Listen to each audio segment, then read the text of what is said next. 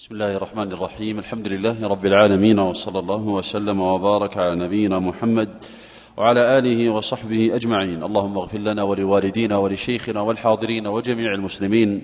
فهذا هو المجلس الرابع والعشرون من مجالس شرح كتاب المقنع للموفق أبي محمد بن قدامة رحمه الله. يشرحه معالي شيخنا الدكتور يوسف بن محمد الغفيص عضو هيئة كبار العلماء وعضو اللجنة الدائمة للإفتاء سابقا. ينعقد هذا المجلس مغرب يوم الأحد الثامن من الشهر الخامس من عام خمس وثلاثين وأربعمائة وألف للهجرة بجامع عثمان بن عفان رضي الله عنه بالرياض. قال المصنف رحمه الله تعالى باب سجود السهو. نعم الحمد لله رب العالمين وصلى الله وسلم على عبده ورسوله نبينا محمد وآله وأصحابه أجمعين. قال الشيخ الإمام أبو محمد رحمه الله تعالى باب سجود السهو وسبق الإشارة إلى مقصود الشريعة في سجود السهو أنه جبر لما يقع نقصا في الصلاة. إذا كان هذا النقص مما يحتمل فيجبر بسجود السهو. أما إذا كان نقصا لا يحتمل فإنه لا يجبر بسجود السهو. وثمة من النقص ما يحتمل ولا يلزم فيه سجود كما سبق. ولهذا احتاجوا إلى أن يذكروا الركن والواجب والمندوب في الصلاة. قال ولا يشرع في العمد لأن محله فيما وجب لأن محله ولأن سببه فيما وجب ولذلك لا يكون في العمد. وإنما يختص بحال السهو. قال ويشرع للسهو في زيادة ونقص وشك. هذه اسبابه الثلاثة. بمعنى أن سجود السهو إما أن يكون ناشئا عن زيادة في الصلاة كما لو صلى الظهر خمسا ناسيا ساهيا وإما أن يكون عن نقص كما لو ترك التشهد الأول فإن هذا نقص في الصلاة إذا ترك التشهد الأول ناسيا لأنه من الواجبات. وإما أن يكون عن شك كما لو لم يدري أصلى ثلاثا أم أربعا فإن الشريعة هنا أمرته أن يبني على اليقين ويأتي برابعة فإن كان صلى إتماما لأربع شفعنا له صلاته وإلا كانت ترغيما للشيطان كما جاء في حديث عبد الله كما جاء في حديث أبي سعيد الخدري إذا شك أحدكم في صلاته فلم يدري كم صلى ثلاثا أم اربعا فليطرح الشك وليبني على ما استيقن. وسيأتي تفصيل هل ثمة ما يقال عنه بأنه غلبة ظن يختلف عن مطلق الشك يكون مختصا بحكم أم أن مادة ذلك من جهة الحكم واحدة. هذا سيأتي إن شاء الله. إنما المقصود أن الشك يقع على مثل هذا الوجه. فصارت جملة الأسباب الزيادة والنقص والشك في الصلاة. قال للنافلة والفريضة وهذا الذي عليه الجماهير من أهل العلم والعامة من أهل العلم وهو المعتبر أن النافلة فيها سجود. لأن العبرة بماهية الصلاة حتى تكون صلاة قد تمت على الوجه الشرعي فإن النافلة يقع فيها ما يسمى ركنا والنافلة يقع فيها ما يسمى واجبا. فإنه إذا ترك من النافلة ركنا هو في النافلة ركن فإن بعض الأركان قد تكون ركنا في الفريضة ليست ركنا في النافلة كالقيام. فإن القيام في الفريضة ركن لكنه في النافلة ليس ركنا. فلو صلى من الليل قاعدا صحت صلاته ولو كان مختارا أليس كذلك؟ ولكن ثمة في النافلة ما هو ركن فيها كما الفريضة كتكبيرة الإحرام. فإنها ركن في النافلة والفريضة. وكذلك الواجب فإن النافلة يقع فيها الواجب القولي كما يقع الواجب القولي وإن كانت الواجبات سبق اختلاف الفقهاء في تعيينها لكن الفقهاء يتفقون على أن في الصلاة ما هو ركن وما هو واجب وما هو مندوب وإن اختلفوا في التعيين. ولذلك هم المعتبر الذي عليه عامة أهل العلم أن النافلة يقع فيها سجود السهو كما الفريضة. وإلا فعامة الروايات المروية في فعل النبي عليه الصلاة والسلام إنما كان في الفريضة. لكن إذا نظرنا إلى ترتيب الشريعة لهذا الحكم وهو سجود السهو بان أنه لا يختص بالفريضة وإنما هو جبر لما يقع في الصلاة من زيادة أو نقص أو شك. نعم. فأما الزيادة فمتى زاد فعلا من جنس الصلاة قياما أو قعودا أو ركوعا أو سجودا عمدا بطلت صلاته وإن كان سهوا سجد له. نعم. المؤلف يقول فأما الزيادة فمتى زاد فعلا من جنس الصلاة قياما؟ فإن الزيادة إما أن تكون من جنس الصلاة كالقيام والقعود والسجود والركوع هذه أفعال من جنس الصلاة. وإما أن تكون الزيادة ليست من جنس الصلاة وإما أن يفعل فعلا ليس هو من ماهية الصلاة ليس ركوعا أو سجودا. قال فمتى زاد فعلا من جنس الصلاة قياما أو قعودا أو ركوعا أو سجودا عمدا بطلت بالإجماع. لو قصد أن يجعل في ركعته ركوعين أو في سجدته ثلاث سجدات فهذا لا شك أن الصلاة تكون باطلة. لو زاد فعلا في الصلاة من جنسها عمدا بطلت وإن كان سهوا سجد له. وصلى النبي صلى الله عليه وسلم خمسا كما جاء في حديث عبد الله بن مسعود.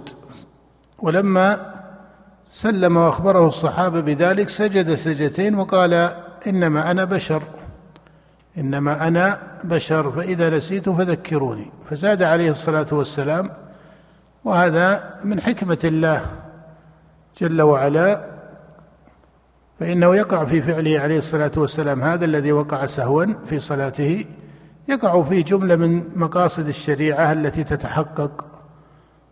نعم.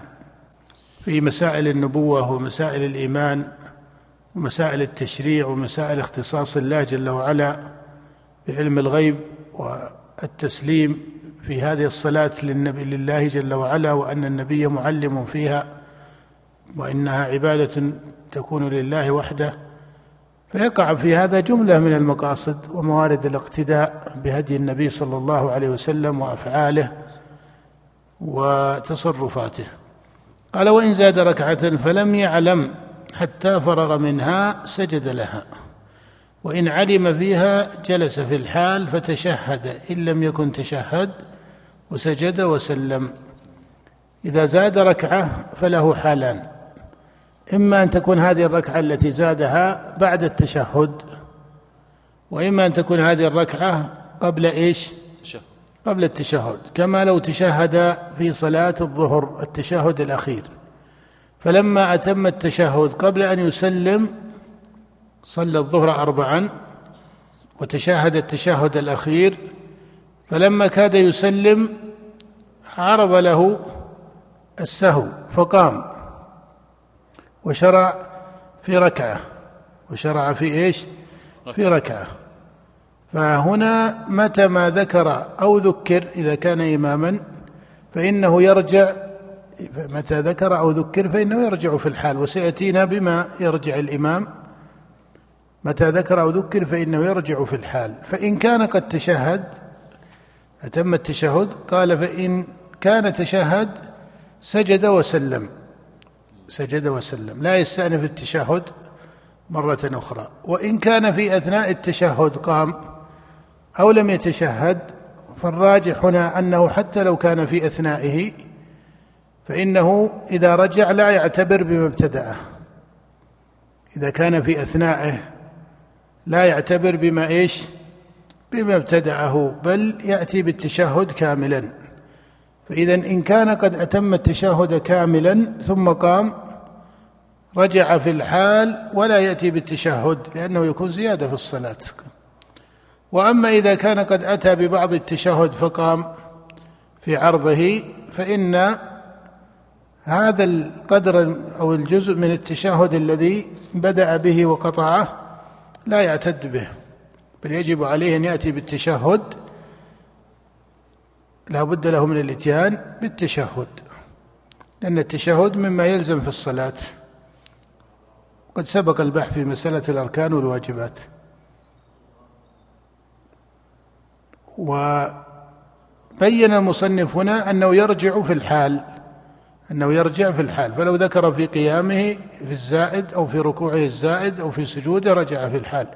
قال فتشهد. إن لم يكن تشهد مفهومه إن كان تشهد إيش؟ لا يعيده.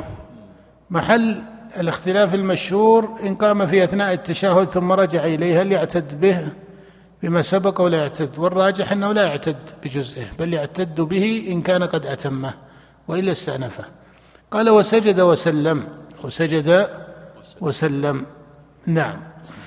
وإن سبح به اثنان لزمه الرجوع. والقيام هنا هو القيام في الفريضة. يقدر القيام في الفريضة هذا هو المستقر عند أهل العلم. أما القيام في النافلة إلى ثالثة فهذا أخف ولا شك ولهذا اختلف الفقهاء لو قام إلى ثالثة ماذا يكون حكمه؟ ومنهم من فرق بين صلاة الليل وصلاة النهار وهذا أظهر. فإذا أشد ما يكون من الخطأ في القيام إذا قام في الفريضة. فهذا بالإجماع أنه لا يستمر في قيامه وفي زيادته.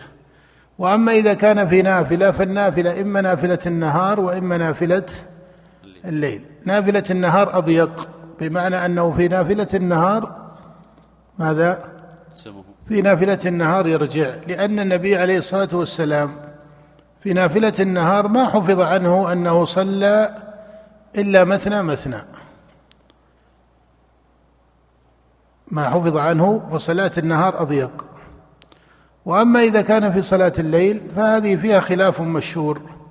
فمنهم من يقول إن قام في صلاة الليل التي يصليها مثنى مثنى إن قام إلى ثالثة أتى برابعة معها. يكون صلى أربعا وهذا قول مالك وطائفة من أهل العلم. والقول الثاني وهو المشهور في مذهب الإمام أحمد أنه يرجع حتى في حتى في صلاة الليل. يرجع. لكن هذا الخلاف بين الفقهاء ما سببه؟ هل سببه أنه يرجع لأن القيام إلى ما يزيد عن الثانية فيه مخالفة أو لأنه وقع له سهو. بالفعل واضح الفرق؟ هذان وجهان محتملين. قلنا لأنه مخالفة فيتجه هنا أنه لو أراد أن يجعله على صفة واردة لم يكن مخالفة. بمعنى أنه حفظ كما في حديث عائشة في الصحيح عند مسلم وغيره أن النبي صلى سبعا بسلام واحد. أليس كذلك؟ ولم يجلس إلا في السادسة. بعد السادسة جلس ثم قام. وحفظ أنه صلى تسعا بسلام واحد. هذا جاء في حديث عائشة عند مسلم. وجلس في الثامنة تشهد وقام. فإذا قلنا إن السبب سجود السهو المخالفة فإذا قدر أنه استمر إلى سبع لا يكون مخالفا. وقد أتى بعمل جاء في صريح السنة فعله. وإن قلنا إن موجب هذا السجود هو وقوعه فيما في السهو. فهذا يضيق الأمر بمعنى لا يمكنه أن يجعله على صفة قد وردت بنص. فهذان احتمالان في هذا المعنى. هذان احتمالان في هذا المعنى. وجاء عن النبي كما في حديث عبد الله بن عمر متفق عليه صلاة الليل مثنى مثنى. وأكثر الفقهاء يكرهون أن يصلي اربعا من الليل بسلام واحد. ويجعلون ما جاء في صحيح البخاري عن عائشة أنه صلى اربعا عليه الصلاة والسلام فلا تسأل عن حسنهن وطولهن. إن يقولون إنما ذلك بسلامين ليس بسلام واحد وإنما مقصودها أنه فصل سلم الركعتين ثم قام مباشرة وصلى ركعتين على قدرهما في الصفة ثم فصل بعد ذلك فصل بعد ذلك. ويعتدون بما جاء في حديث عبد الله أن النبي قال صلاة لحديث عبد الله بن عمر صلاة الليل مثنى مثنى. وجاء في رواية في غير الصحيحين صلاة الليل والنهار. وهذه الزيادة متكلم فيها. لكن وإن قلنا إن الذي جاء في الصحيحين هو صلاة الليل الذي جاء في الصحيحين صلاة الليل والزيادة صلاة الليل والنهار. متكلم فيها من جهة الرواية إلا أنه عند التحقيق من حيث من وجه آخر إذا نظرت إلى المسألة من وجه آخر فإن صلاة النهار لم يحفظ أن النبي صلى من النهار في نافلة النهار إلا ما كان إيش؟ مثنى مثنى بخلاف صلاة الليل فحفظ أنه زاد عن ركعتين حفظ أنه زاد عن ركعتين. لكن قد يجاب عن ما جاء في حديث عائشة أنه صلى تسعا وسبعا فيقال هذا لا يعارض ما جاء في حديث عبد الله بن عمر في الصحيحين صلاة الليل مثنى مثنى لأن ما جاء في حديث عائشة إنما هو وتر إنما هو وتر. والمقصود من الحديث ما كان إيش؟ شفعا. فإذا صلى شفعا فإنما يصلي مثنى مثنى بمعنى لا يصلي لا يصلي إيش؟ لا يصلي أربعا سردا ولا ستا سردا ولا ثمان سردا. وحديث عائشة أن النبي صلى سبعا وتسعا سردا لا يعارضه لوجهين أن هذا لم يكن غالب فعل النبي وإنما عرض. ثانيا أن هذا في حقيقته كما ترى ماذا؟ هذا وتر. والنبي هنا يذكر عليه الصلاة والسلام يذكر ما يكون شفعا وإلا فإن الوتر يقع في صلاة الليل بالإجماع. ولذلك في حديث عبد الله بن عمر نفسه فإذا خشي أحدكم الصبح صلى ركعة واحدة. ولهذا نتيجة هذه المسألة من حيث صلاة الليل لا من حيث مسألة سجود السهو هنا بل من حيث مسألة صلاة الليل أن يقال الأظهر أن صلاة الليل تصلى مثنى مثنى. وأما إذا أراد أن يوتر فالوتر المشروع أن يكون بركعة. هذا غالب وتر النبي عليه الصلاة والسلام. أن غالب وتره بركعة. وحفظ عنه أنه أوتر بأكثر فصلى سبعا سردا جلس في السادسة وصلى تسعا سردا وجاء ذكر الخمس أيضا. إنما لم يحفظ لم يحفظ في رواية صحيحة بينة ظاهرة من جهة الدلالة أو صريحة من جهة الدلالة سواء كانت من باب النص أو من باب الظاهر لم يأتي في رواية صريحة أو حتى ظاهرة أن النبي صلى شفعا أكثر من ماذا؟ أكثر من ركعتين وعليه لم يحفظ في فعله عليه الصلاة والسلام من النافلة إلا أنه يصلي إلا أنه يصلي ماذا؟ إلا أنه يصلي مثنى مثنى والوتر في صلاة الليل. وهذا الذي جعل الجمهور وجعل الإمام أحمد في كثير من أجوبته التي نص فيها على أنه لا يزاد لا في صلاة الليل ولا في صلاة النهار لأن الصلاة كما نعلم مبنية على الاتباع المحض والاقتداء المحض فهي من العبادات التوقيفية فهي من العبادات التوقيفية. وهذا هو المعتبر والأظهر في هذه المسألة عملا بظاهر السنن وهو قول الجمهور من الأئمة وهو صريح أجوبة الإمام أحمد رحمه الله. نعم. فإن لم يرجع بطلت صلاته وصلاة من اتبعه عالما. فإن لم يرجع إذا قام الإمام لزائدة ولم يرجع أنت قرأت وإن سبح به اثنان. يا شيخ. سمع شيخ. قبلها وإن سبح به اثنان. إي نعم ذكرنا. قال وإن سبح به اثنان أي إن سبح بالإمام اثنان, اثنان من المأمومين. لزمه الرجوع. ترى أن المصنف هنا ذكر الاثنين. وما دليلهم في ذلك وما معتبرهم. معتبرهم جملتان. الجملة الأولى ما جاء في حديث ذي اليدين. ما جاء في حديث ذي اليدين. ولك أن تقول من حيث القواعد إذا ابتدأنا بذكر القواعد فالدليل الأول فيما يظهر عند الفقهاء أنهم نظروا إلى أن هذا وجه من الشهادة وجه من الشهادة في أمر عبادي. فلما كان وجها من الشهادة في أمر عبادي اعتبر فيه اعتبر فيه ذلك أي العدد. كما أنه يعتبر العدد في صريح الشريعة فيما دونه. فيكون هذا من باب أولى. فإذا ذكر الفقهاء للاثنين فيما يظهر لي أنه على وفق القواعد في الأصل. لو لم لماذا نذكر هذا الاحتجاج؟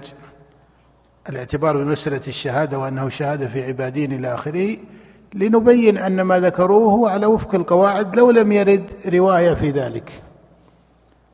فإذا نظرت في الاعتبار الثاني أو الوجه الثاني الجملة الثانية وهي ما جاء في حديث ذي اليدين الذي ثبت في الصحيحين وغيرهما أن النبي صلى الله عليه وسلم كما جاء عن أبي هريرة قال صلى بنا رسول الله صلى الله عليه وسلم إحدى صلاتي العشي إما الظهر وإما العصر فسلم في ركعتين. وجاء في صحيح البخاري أنها صلاة العصر.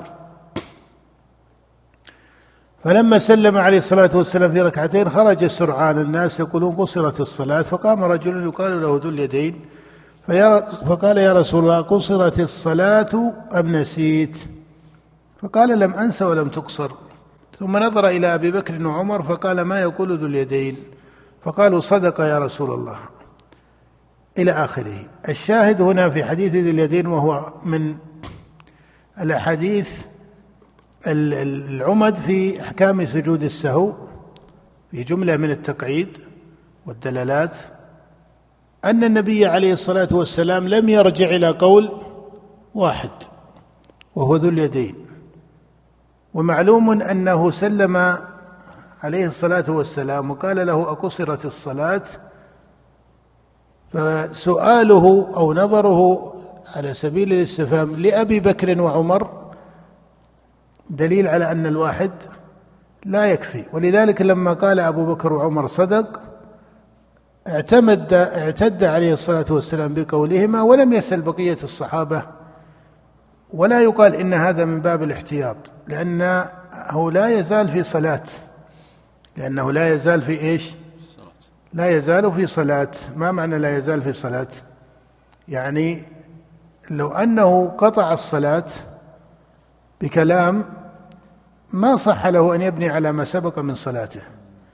ما صح ولذلك قال الفقهاء لو طال الفصل أو تكلم لغير مصلحتها بطلت صلاته فلو قال له قائل لو أن إماما قال له أحد المأمومين إنك نقصت فقال ما نقصت ثم تحدث في غير مصلحة الصلاة.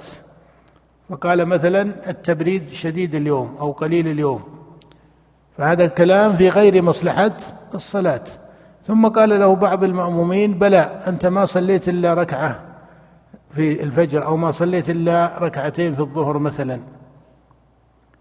فهذا لا يبني على ما سبق من صلاته كما بنى النبي عليه الصلاة والسلام على ما سبق من صلاته. لماذا؟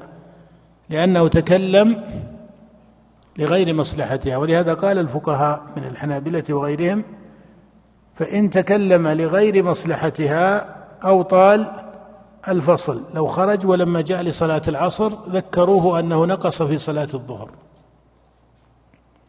لما جاء لصلاة العصر قالوا إنا تحدثنا بعدما خرجت كما لو قدر خرج الإمام مستعجلا ثم تذاكر بعض الجماعة وهذا يقع أحيانا في المساجد فتواطؤوا على أنه إنما صلى ركعتين وإنما كل واحد كما يقال ما أراد أن يجزم بوحده. كان عنده بعض التردد فلما تقوى تواطؤوا على ذلك وصدق بعضهم بعضا. فإذا أخبروه ماذا يفعل؟ يجب إعادة يجب إعادة الصلاة لأنه طال الفصل فضلا عما يتبع طول الفصل من الحديث لغير مصلحتها. لكن لو تمحض طول الفصل دون الحديث لغير مصلحتها دون الحديث لغير مصلحتها.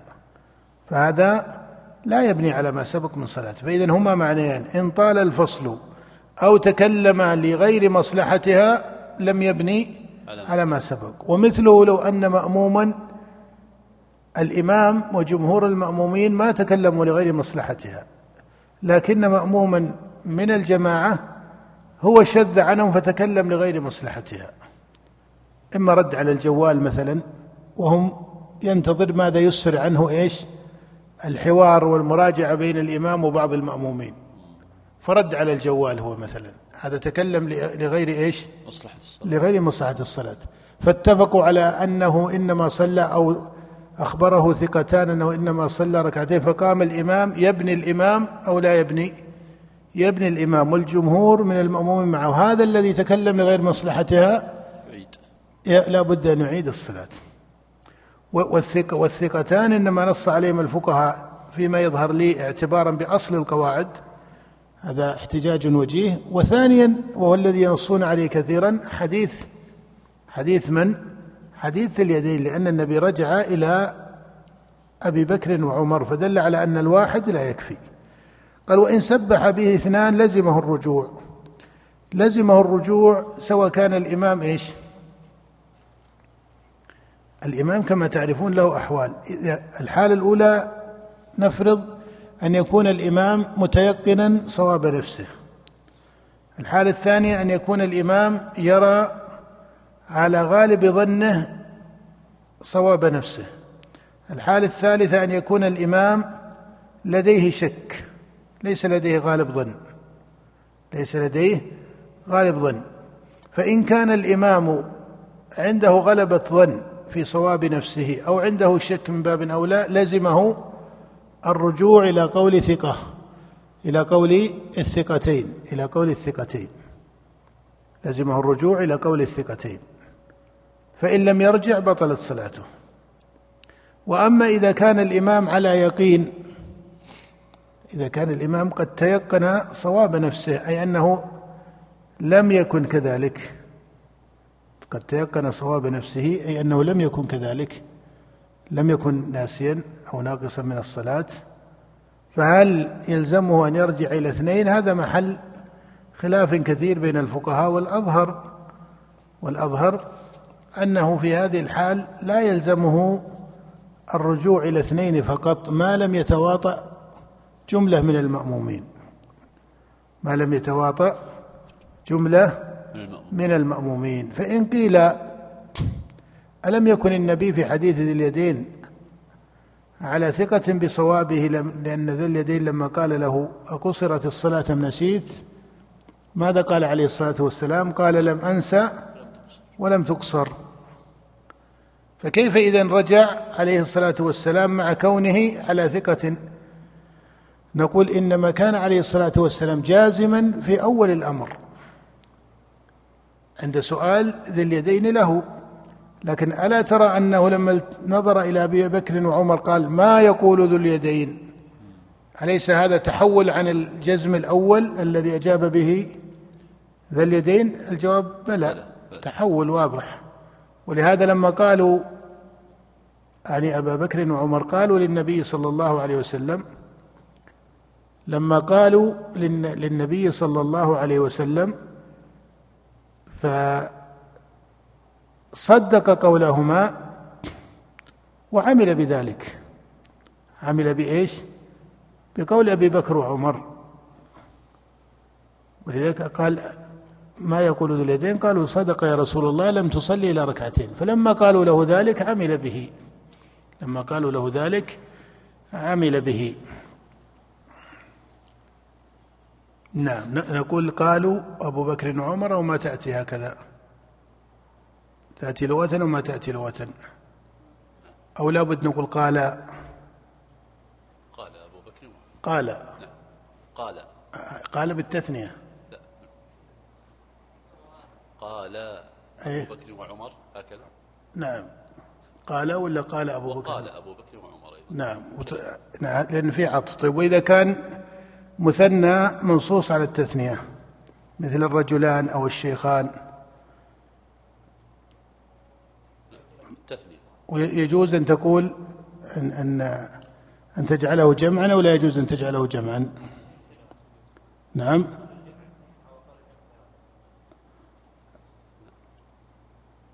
وإذا جرد الفعل إذا جرد الفعل كما قال ابن مالك رحمه الله يقول وجرد الفعل إذا ما أسند لاثنين أو جمع كفاز الشهداء. الأصل في العربية من حيث الفصاحة أنك إذا كان الفعل للجمع فإنه يجرد تقول فاز الشهداء ولا تقول فازوا الشهداء. ومثله قال مثل ما ذكر الشيخ قال الشيخان تعني أبا بكر وعمر. ما تقول قال الشيخان؟ تقول قال بالإفراد. بمالك يقول وجرد الفعل أي جرده من ماذا؟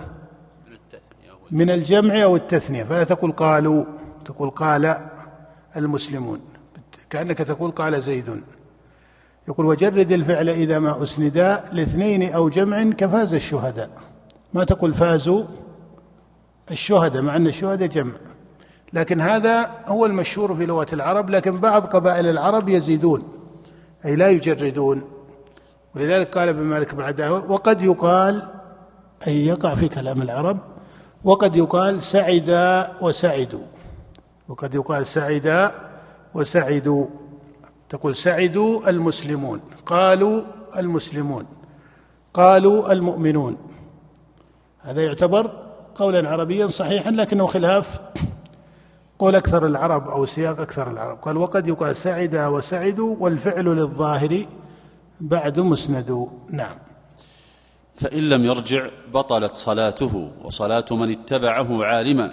فإن لم يرجع إلى ثقتين وليس عنده يقين. فإن لم يرجع إلى ثقتين وليس عنده يقين بطلت صلاته وصلاة من اتبعه عالما. بخلاف من اتبعه جاهلا. نعم. وإن كان فارقه أو كان جاهلا لم تبطل. وإن كان جاهلا وإن فارقه أو كان جاهلا فارقه لو أنه قام إلى زائدة فسبح به اثنان وزادوا عن اثنين وما رجع الإمام. وهذا أحيانا بعض الأئمة يقع في ذلك. فنقول عدم رجوع الإمام إلى تسبيح المأمومين له حالة أو ثلاث أحوال إما أن يكون المسبح واحدا فلا يكفي. وإما أن يكون اثنان فهذا إن كان الإمام عنده يقين فهذا محل. وإن كان الإمام لا يقين عنده بل ظن أو شك ظن راجح شك وجب عليه الرجوع. إن كان الإمام عنده يقين فهل يرجع إلى الاثنين وحدهما؟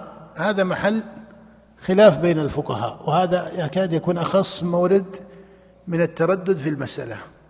يعني أقوى ما تردد فيه الفقهاء هذا المحل ما هو؟ إذا كان الإمام عنده يقين والمسبح عنده يقين. اثنان والمسبح اثنان. أما إذا تواطأ المأمومون على التسبيح سبح واحد ثم الثاني ثم ثالث ورابع وبدأ التسبيح يأتي من من يسار الصف ويمينه والصف الأول والذي يليه تواطؤوا على التسبيح فيجب على الإمام هنا أن يرجع ولو كان يرى عنده إيش؟ يقين. ولو كان يدعي أن عنده يقين. لأن لأن اليقين يتحول. اليقين هنا يجب أن يتحول بقوة الوارد عليه. ولذلك الذي كان في نفس النبي عليه الصلاة والسلام كان في بداية الأمر عنده يكاد يكون يقينا حتى أنه قال لم أنس ولم تقصر جزم. لكن لما بدأ الوارد بقول ذي اليدين وقول أبي بكر وعمر تحول هذا اليقين إلى أن اعتد به عليه الصلاة والسلام. اعتد به وبنى على هذا الأمر الذي سبح به أو أخبره به أصحابه رضي الله عنهم. فإذا لا يصح للإمام كما يفعل أحيانا بعض الأئمة يصر وقد تواطأ المأمومون على ماذا؟ على التسبيح. إذا تواطأ المأمومون على التسبيح وجب على الإمام ضرورة الرجوع. ولو قال عندي يقين لأن اليقين هنا يجب أن يتحول بقوة الوارد بقوة الوارد عليه وهو تسبيح الثقات من المأمومين. لأن ما الفرق هي صلاة واحدة؟ ما الفرق بين يقين واحد ويقين سبعة؟ أليس كذلك؟ ما الفرق بين يقين واحد؟ هل نرجح يقين واحد على يقين؟ هي صلاة واحدة. وإن كانوا مؤتمين به إلا أنه هو يجب أن يكون ماذا؟ معتبرا بهم. والدليل على الاعتبار بالمأموم كما أن الشريعة قالت إنما جعل الإمام ليؤتم به إلا أن الشريعة أيضا في حديث اليدين اعتبرت قول المأموم أو لم تعتبره؟ اعتبرته ولم تعتبره؟ اعتبرته وهذا بالإجماع أنه معتبر. ولذلك شرع التسبيح وقال النبي كما في الصحيح التسبيح للرجال. إنما محل التردد إذا الإمام لم يسبح به إلا اثنان فقط. فهل يرجع إليهما مع يقين نفسه أو لا يرجع؟ هذه فيها مادة من الاحتمال والأظهر أنه يرجع. الأظهر أنه يرجع إلى الاثنين. عملا بأصل وقواعد الشريعة في الشهادة وثانيا لأن هذه هذه شهادة تامة توجب النقل عن يقينه توجب النقل عن يقينه والإنسان قد يتوهم أنه على يقين وليس على إيش؟ وليس على يقين. والثاني أنه ظاهر من حديث اليدين عند التأمل في دلالته أن النبي جزم في الابتداء ثم صار إلى قول أصحابه. جزم في الابتداء بقوله لم أنس فدل على أن الإمام يتبع ذلك. فإذا ثم إنه في النتيجة هو احتياط لإيش؟ لصحة الصلاة هو احتياط في صحة الصلاة. فيرجع الإمام إلى قول الثقتين. نعم. والعمل المستكثر في العادة من غير جنس الصلاة يبطلها عمده وسهو والعمل المستكثر في العادة فمفهومه أن العمل اليسير لا يبطل الصلاة وهذا هو الصحيح. وإن قلنا إنه ينهى عنه وإنه مكروه والعمل إذا كان يسيرا لا تبطل الصلاة به لا فرضا ولا نفلا. وإن كانت الصلاة ولا سيما الفريضة ينبغي أن تصان عن ذلك. ولذلك قال النبي عليه الصلاة والسلام الالتفات اختلاس يختلسه الشيطان من صلاة العبد. فتصان الصلاة عن الحركة. وهذا كما تلاحظون كثير من الناس يتساهل فيه وهي كثرة الحركة في الصلاة.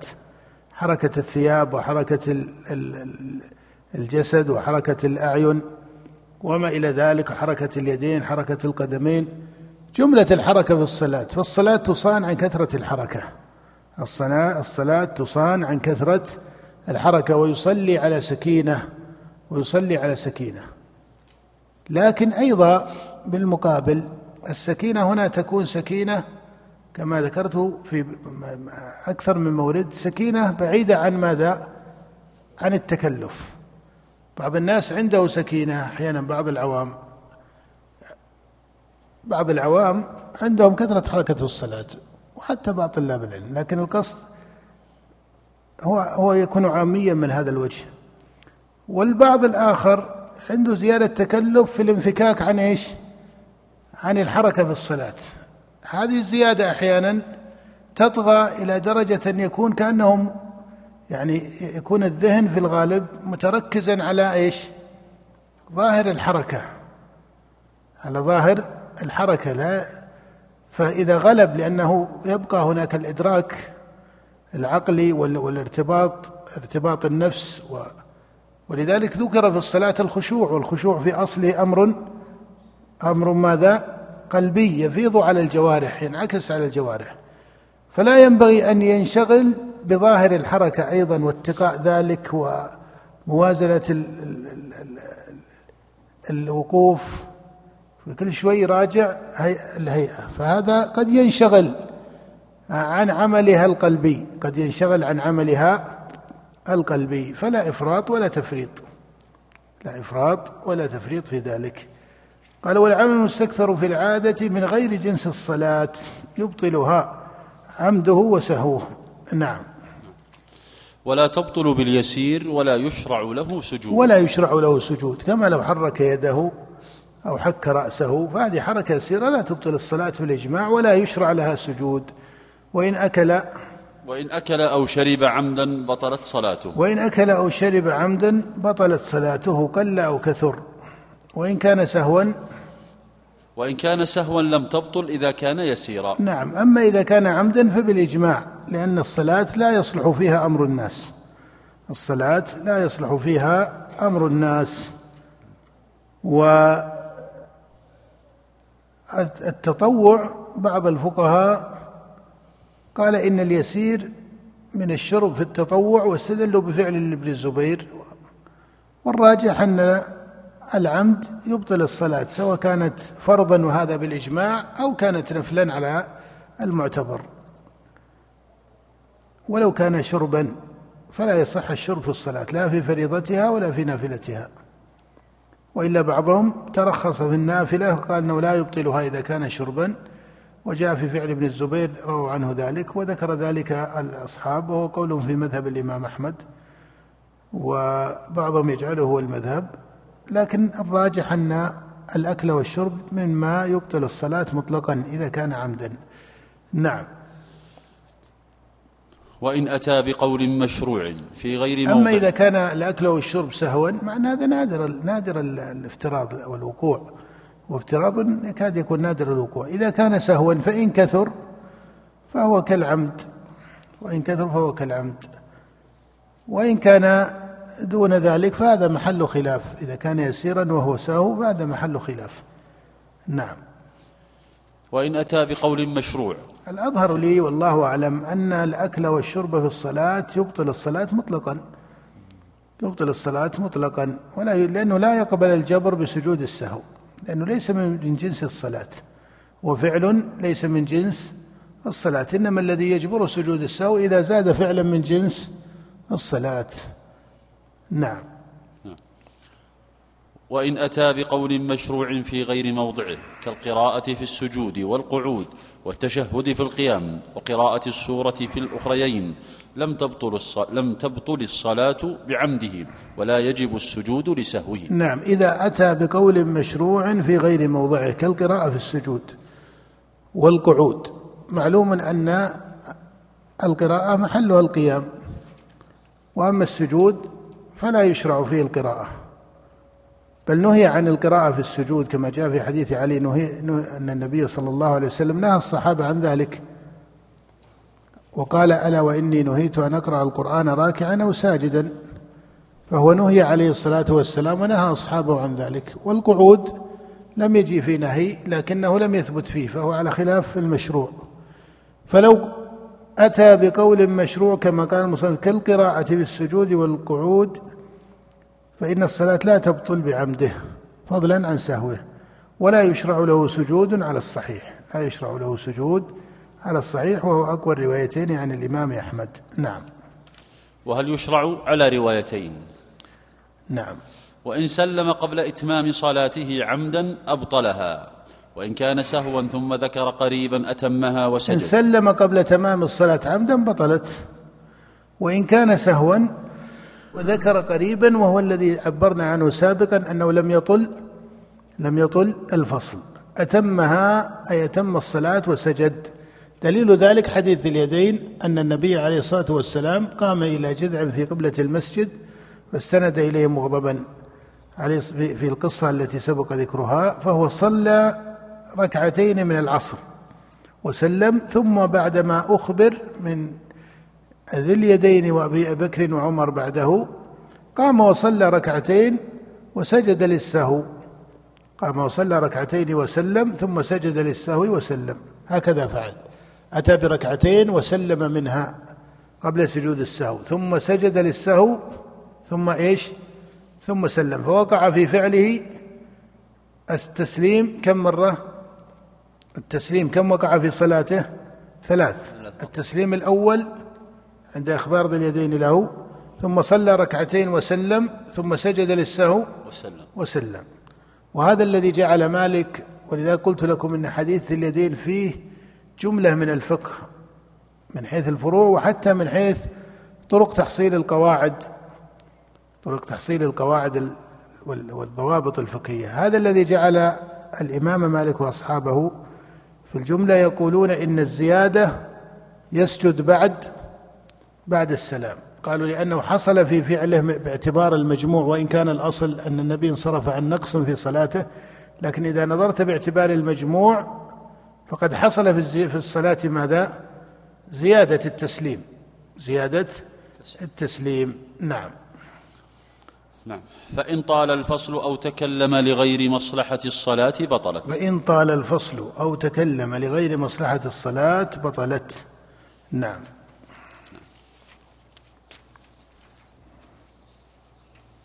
وإن تكلم لمصلحتها ففيه ثلاث روايات. وإن تكلم لمصلحتها فيه ثلاث روايات إحداهن إحداهن لا تبطل والثانية تبطل والثالثة تبطل صلاة المأموم دون الإمام اختارها الخرقي. نعم والراجح الرواية الأولى. وقد نص عليها الإمام أحمد في رواية جماعة من أصحابه. والدليل على تقوية هذه الرواية من حيث الدليل حديث ذي اليدين أن النبي تكلم تكلم أو لم يتكلم تكلم. تكلم وقال ما يقول ذو اليدين وقال قبل ذلك لم أنس ولم تقصر فتكلم عليه الصلاة والسلام لكنه لمصلحة الصلاة وبنى على صلاته وبنى على وبنى على صلاته. فإن قيل كفائدة علمية ونكتة علمية كما يعبر أحيانا فإن قيل إن نرى أن حديث ذي اليدين الآن كأنه صريح في كونه إذا تكلم لمصلحة الصلاة لا تبطل صلاته لأن النبي يتكلم وقال ما يقول ذو اليدين وقال لذي اليدين لم أنس ولم تقصر فهذا كلام ليس فعلا من جنس الصلاة هو كلامه في الصلاة ولكنه لمصلحتها. اتجهت هذه الرواية إليه وقلنا هي الراجحة. انتهينا من المسألة كحكم فقهي أليس كذلك؟ نعم. لكن ما وجه أن الإمام أحمد جاءت عنه رواية أن الصلاة تبطل؟ وعنده هذا الحديث. هذا أحيانا تجدون في المسائل. يرد حديث ويكون ثمة أصل عندهم يقتضي شيئا. الأصل عندهم وهو أصل في الشريعة جاء أيضا في السنن الصحيحة عن النبي أن الكلام يبطل أن الكلام يبطل الصلاة. ولذلك لو تكلم لمصلحة الصلاة في أثنائها اختلف عن مثل هذه الحال. حتى من يقول أن الصلاة لا تبطل. لا يجيزون للإمام الأصحاب هنا على الرواية الراجحه عندهم يقولون إن تكلم لمصلحتها لا تبطل. يقدرون ذلك فيما إذا انفك عن الصلاة. سلم. إذا كان إيش؟ سلم عن الصلاة. لكن لو كان في أثناء الصلاة لو كان في أثناء الصلاة هل يتكلم؟ ولذلك قال وإن سلم قبل إتمام صلاته. فاذا هم متى عذروا؟ على الرواية الراجحة في متى عذروا بأن الكلام لمصلحة الصلاة لا يبطلها؟ في حال من؟ في حال من سلم. كأن هذا قالوا على خلاف الأصل استثناء بحديث من؟ استثناء بحديث ذي اليدين. ولهذا ما جوزوا له أنه أن الإمام إذا تردد ولا الشريعة أجازت له من باب أكبر في الترتيب ما أجيز للإمام أنه إذا تردد في صلاته أن يقول يا يا جماعة ماذا نفعل؟ كم صلينا؟ هذا كلام لمصلحة الصلاة أليس كذلك؟ نعم. فإذا قال لو شخص ما صليت إلا ركعتين قال هاي الباقين توافقون هذا قريب من طريقة سؤال ذي اليدين لما قال ما يقول ذو اليدين لا يصح للإمام في أثناء الصلاة أن يقول ما يقول فلان وفلان هو مفروض إن سلم. هو مفروض لا تصور الله يبارك فيك. هو مفروض إن سلم. تمام؟ هو مفروض إن سلم. وعليه الأصل كما قال النبي في حديث معاوية بن الحكم وغيره إن هذه الصلاة لا يصلح فيها شيء من كلام الناس إنما هو التسبيح والتكبير وقراءة القرآن. فلذلك وجدت مثل هذه الرواية عن الإمام أحمد رحمه الله. ف ليست هذه مما يخالف صريح النصوص على الإطلاق وإنما يجعلون هذا النص كأنه ورد في محل من التقدير فيه فيه قدر من التقييد أو تقول فيه قدر من التخصيص عن الأصل العام. ولذلك ما سوغوا هذا إذا وقع في عرض الصلاة. فهذا ليس يراد به ترجيح الرواية الثانية أو الثالثة عن الإمام. قلنا إن الراجح في الصورة المذكورة وهي إن سلم أنه لا تبطل الصلاة عملا بالسنة الثابتة عن النبي وهي حديث ذي اليدين. وهذا هو الراجح حتى في مذهب الإمام أحمد. لكن أحيانا يقال كيف جاء عن الإمام أحمد مثل هذا القول الغريب المخالف لصريح النص؟ لا هو إطلاق الأوصاف هذه فيها نظر. كونه قولا غريبا على خلاف صريح النص. لا هم عندهم إيش؟ عندهم بعض التقعيد أيضا المأخوذ من من السنن الأخرى عن النبي صلى الله عليه وسلم. المأخوذ من السنن الأخرى عن النبي صلى الله عليه وسلم مثل لما جاءوا وهذا كثير ينبغي أن طالب العلم ينتبه له.